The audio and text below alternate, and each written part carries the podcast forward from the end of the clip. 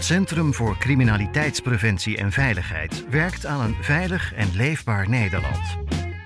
In de podcast nemen we u mee in de verhalen die gaan over realiteit, de uitdagingen, maar vooral hoe samenwerking bijdraagt aan oplossingen.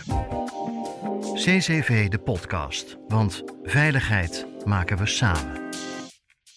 Het is zoveel meer dan alleen maar een potje seks. Het is uh, denk ik uh, lucht, water, uh, licht en seksuele genot. heb iedereen nodig om fijn in zijn velletje te zitten. Op papier lijkt de sekswerkbranche gewone sector. Sinds de opheffing van het bordeelverbod ruim 20 jaar geleden is de prostitutie in Nederland legaal.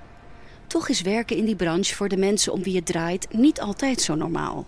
In deze podcastserie kijken we naar de situatie van sekswerkers in de thuisprostitutie. Gemeenten gaan daar heel verschillend mee om. Wat in de ene gemeente verboden is, kan over de gemeentegrens juist heel normaal zijn. Waar je in de ene plaats een inval van handhavers kunt verwachten, hoor je in de andere stad dat doen we niet meer. Waar komt die lappendeken van regels vandaan? En welke gevolgen heeft dat voor sekswerkers? Welkom bij CCV, de podcast van het Centrum voor Criminaliteitspreventie en Veiligheid. Deze eerste serie podcast gaat over de toekomst van thuisprostitutie. Mijn naam is Patty Lou. Je hoort in deze serie over gemeenten die vaak nee zeggen tegen thuisprostitutie. Vaak, maar niet altijd. Ik praat ook met handhavers en hulpverleners. En ik neem je mee naar de plek waar sekswerkers in hun huis klanten ontvangen. En oh ja, het is een podcast over sekswerkers. We noemen de dingen gewoon bij de naam, dus dat is natuurlijk niet iets voor kinderen. Met dit werk uh, komt seks naar je toe. Hoef je niet eens uh, zelf op zoek, maar dan uh, bieden mensen zichzelf aan van... hey, ik wil seks met jou hebben. Dat is natuurlijk elke keer ook gewoon een heel groot compliment. niet dat ik al gebrek heb aan zelfvertrouwen, maar het doet echt wel je zelfvertrouwen ten goede. En je hebt gewoon heel veel vrijheid met dit beroep. Dennis uit Tilburg kwam twaalf jaar geleden in het sekswerk terecht... Hij en zijn partner zijn swingers. Mensen die samen met hun partner losse sekscontacten hebben met andere stellen of personen. Hij merkte dat steeds vaker mensen uit zichzelf geld boden om opnieuw met ze af te spreken. Betaalde afspraken kwamen steeds vaker voor. Op een gegeven moment kwamen we er eigenlijk achter dat soms gewoon leuker kan zijn dan niet betaalde dates eigenlijk. Dan hadden we een, een afspraak met iemand, ja, zo voor de fun zo gezegd, eh, zonder betaling.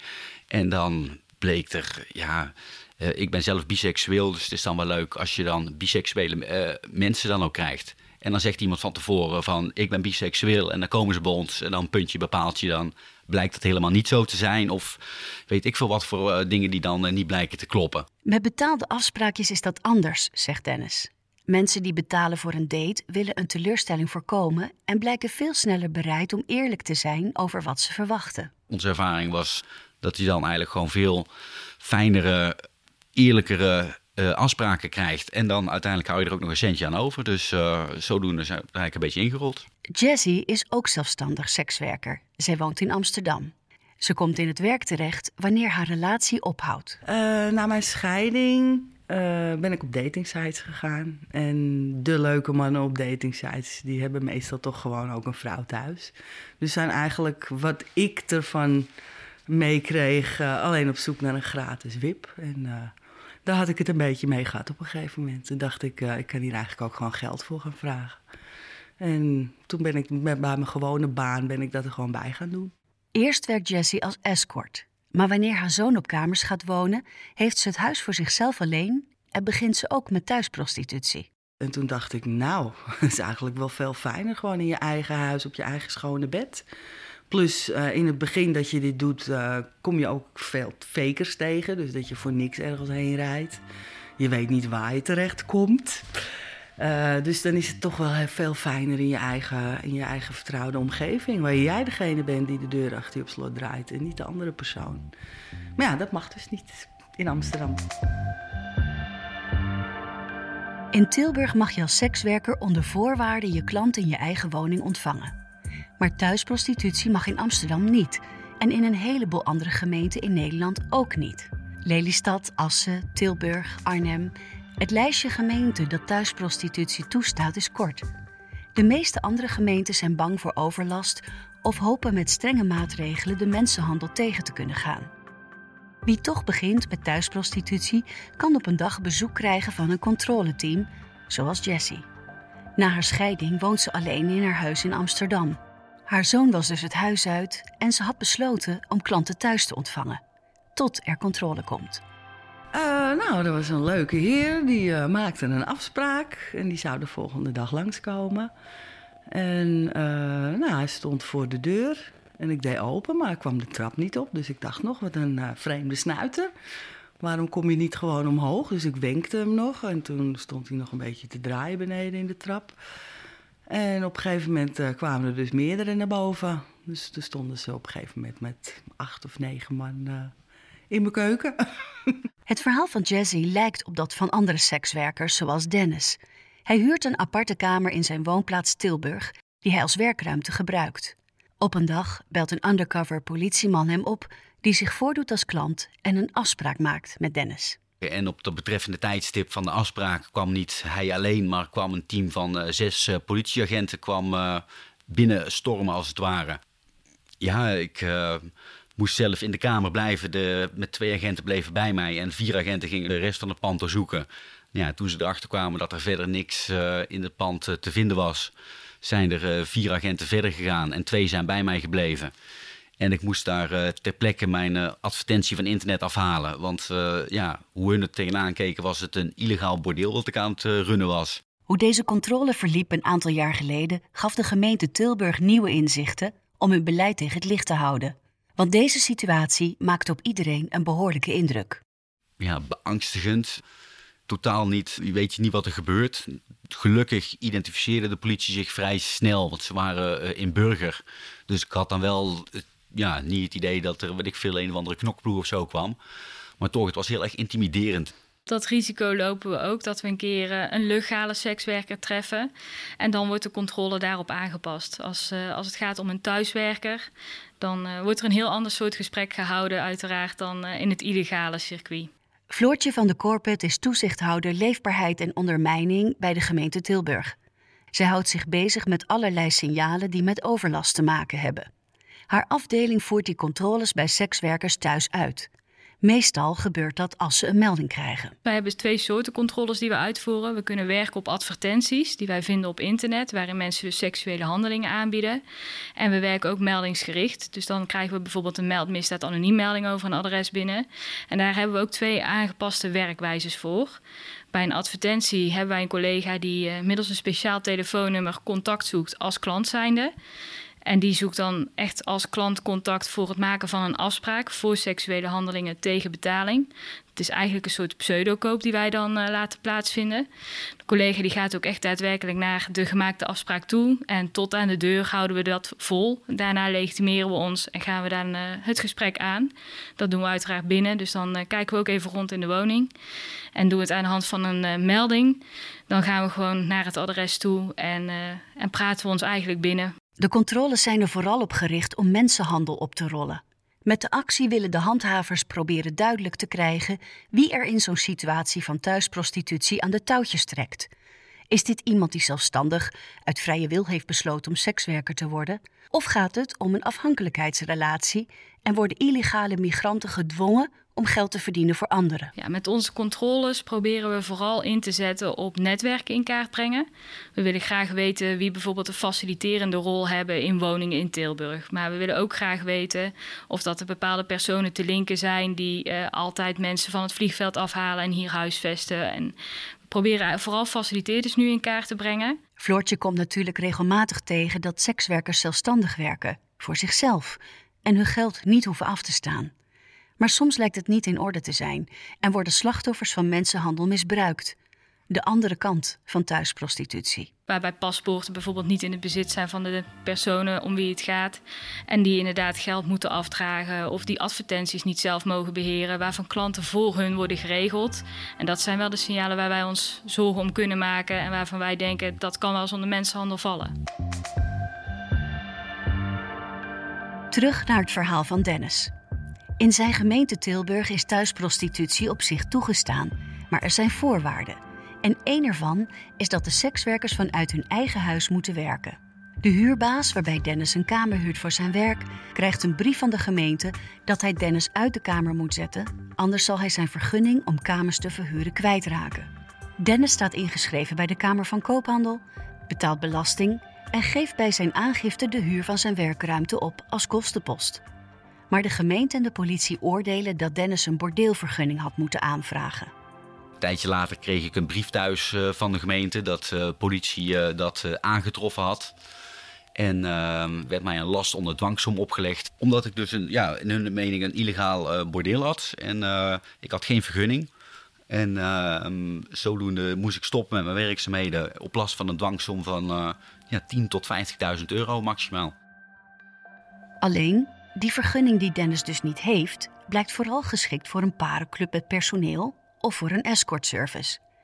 Beide zijn niet bedoeld voor de situatie van Dennis, die alleen zijn eigen diensten aanbiedt. Dennis stuurt een bezwaarbrief naar de gemeente Tilburg en er komt een gesprek. Toen uh, gaven ze ook toe van, ja, dat ze eigenlijk helemaal niet erop uit waren om mensen zoals mij uh, te boycotten. Ze waren op zoek naar uh, mensenhandel. dat wilden ze uitroeien. En mensen die gewoon een, een, ja, een dienstverlening aanboden en daar netjes belasting over betaalden, daar wilden ze zich verder helemaal niet mee bemoeien. Daar hadden ze helemaal geen problemen mee.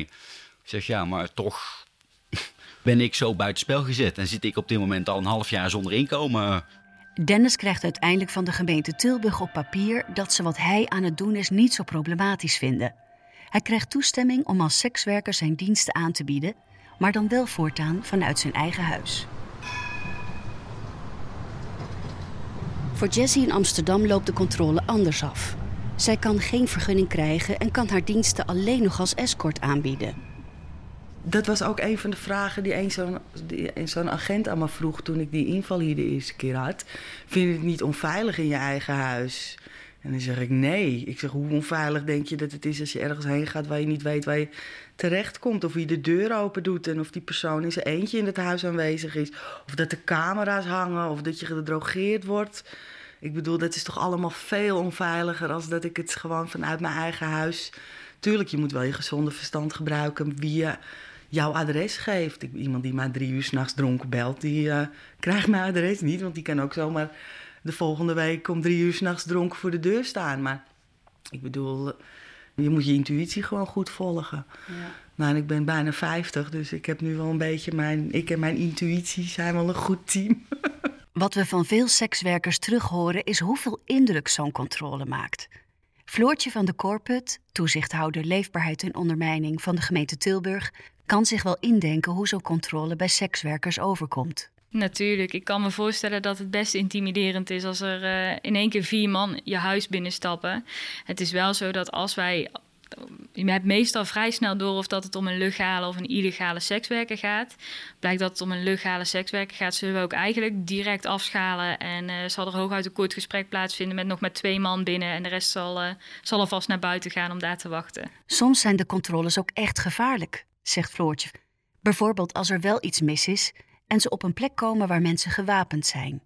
Alleen of met twee mensen zou zo'n controle niet uitgevoerd kunnen worden. Helaas komen die situaties ook zat voor als wij uh, op een advertentie afgaan en uh, we zien in de portiek al twee mannen ons opstaan te wachten. Ja, dan is het soms wel eens een beetje spannend. Uh, dat blijken dan of de bewoners te zijn of een faciliteerder of iemand die toch enigszins betrokken is en alvast checkt wat voor klant er natuurlijk naar zijn huisadres komt.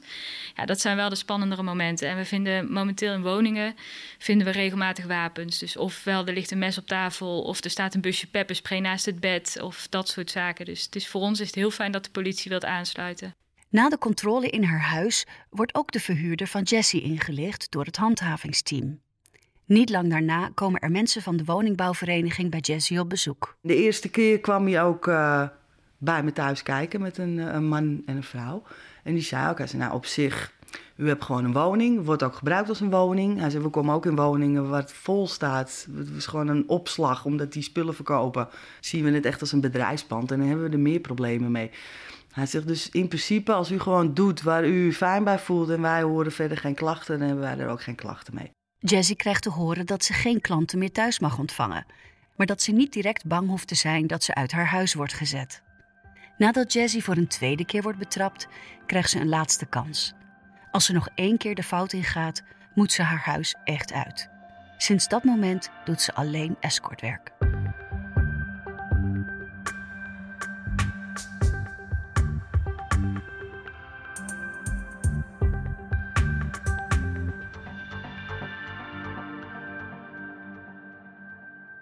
Wat doe je voor je werk? Wat zeg je als sekswerker wanneer die vraag opkomt? En als je eerlijk zegt wat je doet, hoe kijken vrienden en familieleden dan voortaan tegen je aan? Voor veel mensen is dat de minder mooie kant van hun baan als sekswerker. Het stigma dat ermee verbonden is. Ook Dennis ervaart dat bijna dagelijks. Op het moment dat ik ehm, bij de kapper zit en de kapper vraagt van wat doe je voor voor de kost, dan ja, sla je op de een of andere manier toch altijd even stil. Dan is het ja, op het moment dat je daar, daarvoor uitkomt, dan krijg je niet altijd een prettige reactie. Omdat er gewoon een heel groot uh, stigma op rust. Ook voor uh, uh, mijn ouders bijvoorbeeld is het gewoon erg vervelend als mensen in hun omgeving vragen van... hey, wat doet jouw zoon eigenlijk? Dan ja, willen ze daar gewoon niet voor uitkomen, daar schamen ze zich voor. En ik denk dat dat toch wel het, het grootste nadeel aan het beroep is. Maar ja, dat is dus allemaal met stigma verbonden. Op het moment dat je als sekswerker voor je werk uitkomt, slaat de sfeer meestal om. Dennis merkt het wanneer hij samen met collega's mondkapjes laat maken met een tekst die duidelijk maakt dat hij sekswerker is. Uh, ik zit dan uh, bij de uh, lokale klankbordgroep voor sekswerkers. En we hebben nou ehm, in verband met de corona ook mondkapjes gemaakt met Sexworks staat er dan op. Op het moment dat ik zo'n mondkapje op heb in de supermarkt, dan word je echt wel anders benaderd. dus ik zie echt gewoon het, het totale houding, de attitude gewoon omslaan op het moment dat ze lezen wat er op mijn mondkapje staat. Gewoon eens is het vrolijk en dan... Oh, en dan in één keer wordt heel kortaf, stug. Uh, ja, je wordt wel geholpen, maar uh, met de nek aangekeken, zeg maar. Ja, mensen vinden het niet horen, niet kunnen. Een beetje zoiets. Dus ja, als iemand dat doet, dan blijven mensen er al snel verre van.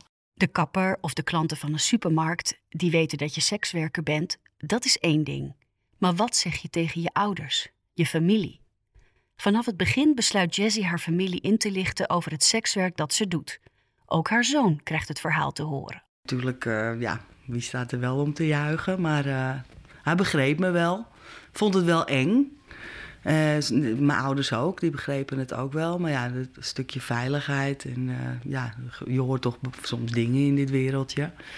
Maar ja, ik ben het toch gewoon gaan doen. Ook al waren de mensen die het niet echt fijn vonden. Dennis heeft zijn ouders nooit verteld dat hij sekswerker is. Maar toch zijn ze dat uiteindelijk te weten gekomen. Het was ook niet mijn keuze dat ze dat zouden weten, omdat ik weet hoe mijn ouders zijn en dat ze dat niet uh, kunnen accepteren, dat ze daar gewoon niet mee kunnen dealen. Dus uh, ik heb ze in eerste instantie uh, iets anders verteld. Ik heb ze verteld dat ik copywriter ben. En ehm, dus ja, teksten schrijf voor mensen, bedrijven en zodoende mijn kosten verdien. En dus ook gewoon vanuit huis kan werken en mijn eigen tijden indeel. Want ja, wanneer je zo'n tekst schrijft, dan maakt natuurlijk niet uit. Het gaat mis wanneer Dennis en zijn ex-partner uit elkaar gaan. Die ging afscheid nemen van mijn ouders, uh, zo gezegd. En uh, die heeft er nog even een bom laten vallen uh, op het einde, zeg maar. Dus ja, wat gebeurde er toen? wat mijn moeder letterlijk tegen mij gezegd heeft, is dat het beeld dat ze van me had, is in 1 miljoen stukjes uiteengevallen. En dat zou nooit meer goed gaan komen. Dus ja, en daar zit ik eigenlijk nog steeds in. Het, het is nog steeds niet goed gekomen. Het is weliswaar een beetje gelijmd her en der, maar ja, je ziet wel een heel duidelijke lijmlaag. En um, ja, het zal nooit meer worden zoals het was. dat is één ding wat zeker is. Het stigma dat je hebt als sekswerker. Dennis noemt het de kern van ellende rond het sekswerk. En dan is er nog de groep die we tot nu toe niet gehoord hebben: de klanten van sekswerkers. Het is een groep die niet staat te trappelen om over hun kant van het verhaal te praten, ook vanwege een stigma. Een van de klanten van Jesse wil wel meepraten, op voorwaarde dat zijn stem onherkenbaar wordt gemaakt. We noemen hem Bart, maar hij heet anders. Jesse kent hem nu twee jaar. Hij vond haar via het internet. Uh, nou, wat het eerste wat mij opviel, dat het aanbod best groot was. En uh, ook wel veel dubbele nummers. Dus ik dacht, nou, dit is vast een faker, noem ik dat dan maar even. Die zit er ook tussen. Gelukkig heb je tegenwoordig een heleboel sites waar dat gemeld staat, waar je op kan zien uh, als het foute boel is of niet. Dus dat kun je wel onderscheid zien. Maar het aanbod is best wel groot en dat verraste me eigenlijk wel. Maar uh, nee, eigenlijk dat. Vooral het aanbod heel groot en uh, reacties ook veel. Dus ja, dat viel me eigenlijk op. Bart komt uiteindelijk bij Jessie uit. Ze bezoekt hem af en toe bij hem thuis. Wat Bart vindt bij Jessie is dat alles heel ontspannen en zonder haast verloopt. Daarom kiest hij voor haar als escort. Lekker op je gemak, dat vind ik, uh, vind ik heel belangrijk. En uh, nou ja, je bouwt toch wat op hè, in, die, in die paar jaar. Dus uh, ja, dat, dat merk je wel. En dat vind ik gewoon heel fijn. En dan, ja, als het ook gewoon goed voelt, ja, dan hoef ik voor mij ook niks aan te veranderen. Dan weet ik wat ik, wat ik kan verwachten. En is het ook nieuw of spannend of eng of wat dan ook. Over zijn contact met Jessie praat Bart niet met zijn vrienden of familie. Hij deelt het met niemand. Nee, ik doe het naar mijn vrienden uit de familie, doe ik het uh, niet. En dat heeft niet met schaamte te maken, maar ik vind niet dat dat toegevoegde waarde is. Of uh, op een of andere manier, nee. En uh, dus nee, ik, ik, deel dat niet. Niet uit schaamte, absoluut niet. Maar nee, ik vind het niet echt een toegevoegde waarde, zo wat ik al zei. Dus nee, ik deel het niet, nee. Vanaf het moment dat ze begon met escortwerk, heeft Jessie haar buren verteld dat ze aan escortservice doet. Die hebben geen probleem met mijn werk, zegt Jessie. Die hebben ook gezegd, als ze jou eruit gaan gooien hier, dan komen wij met z'n allebei voor de deur staan. Want jij bent onze leukste buurvrouw. We willen jou echt niet kwijt. Maar buren aan de overkant op de trap, die zeggen zelfs... mochten we ooit gaan verhuizen, dan moet jij mee verhuizen. Want, want daarom wonen we hier eigenlijk. Omdat het... Ja, jij bent gewoon een gezellige buurvrouw, dus... Uh... Ja, er heb ook nog nooit iemand last van mij gehad. Ik ben niet iemand die... Kijk, als ik overdag thuis ontvang... dan heb ik s'avonds niet eens meer de behoefte om iets te moeten doen. Dus, en nu is mijn werk escort en dat is wel vaak s'avonds. Dus mijn buren hebben eigenlijk nu meer last van mij.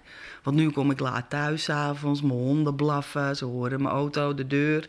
En als er overdag één of twee heren langskomen, ja, daar heb eigenlijk niemand last van. Maar het verhaal van Jessie en haar buren lijkt eerder uitzondering dan regel.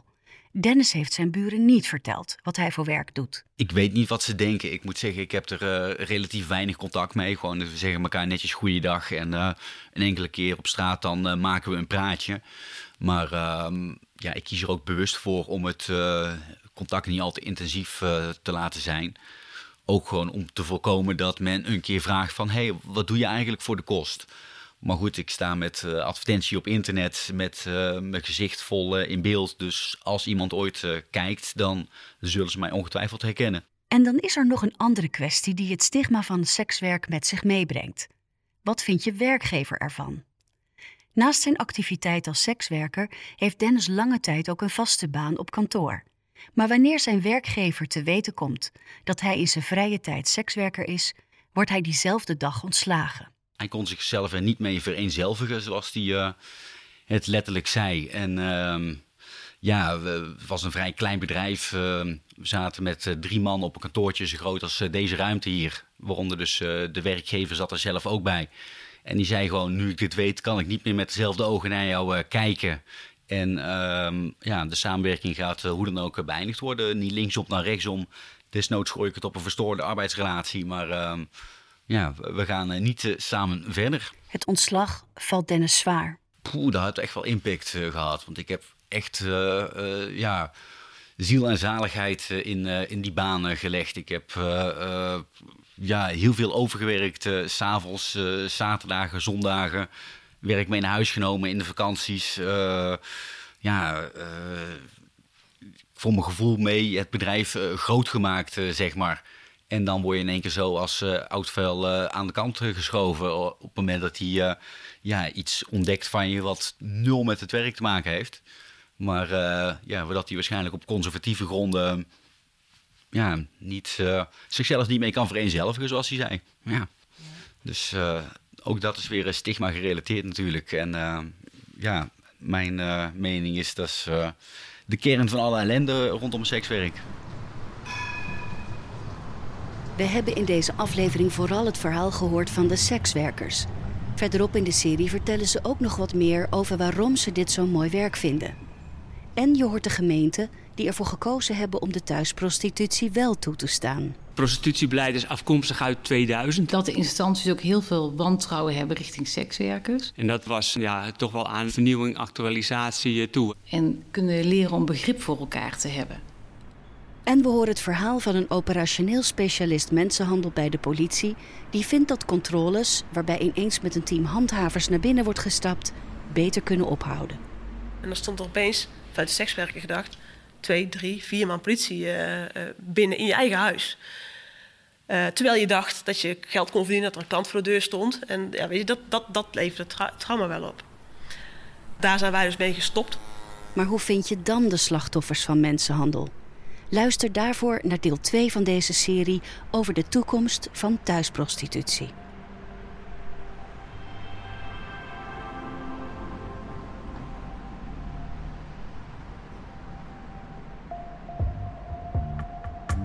Wil je meer weten over het Centrum van Criminaliteitspreventie en Veiligheid?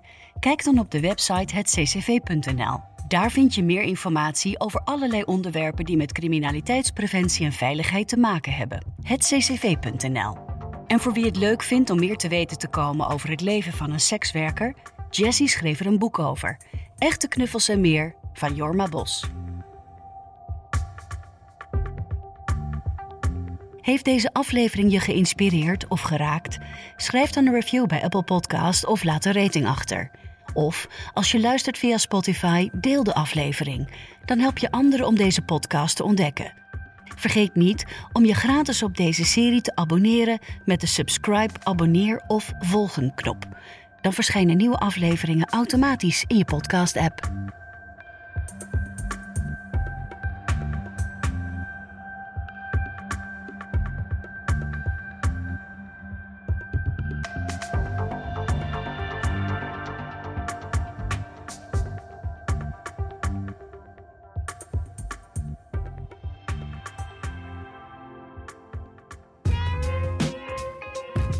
Centrum voor Criminaliteitspreventie en Veiligheid werkt aan een veilig en leefbaar Nederland. In de podcast nemen we u mee in de verhalen die gaan over realiteit, de uitdagingen, maar vooral hoe samenwerking bijdraagt aan oplossingen. CCV de podcast, want veiligheid maken we samen.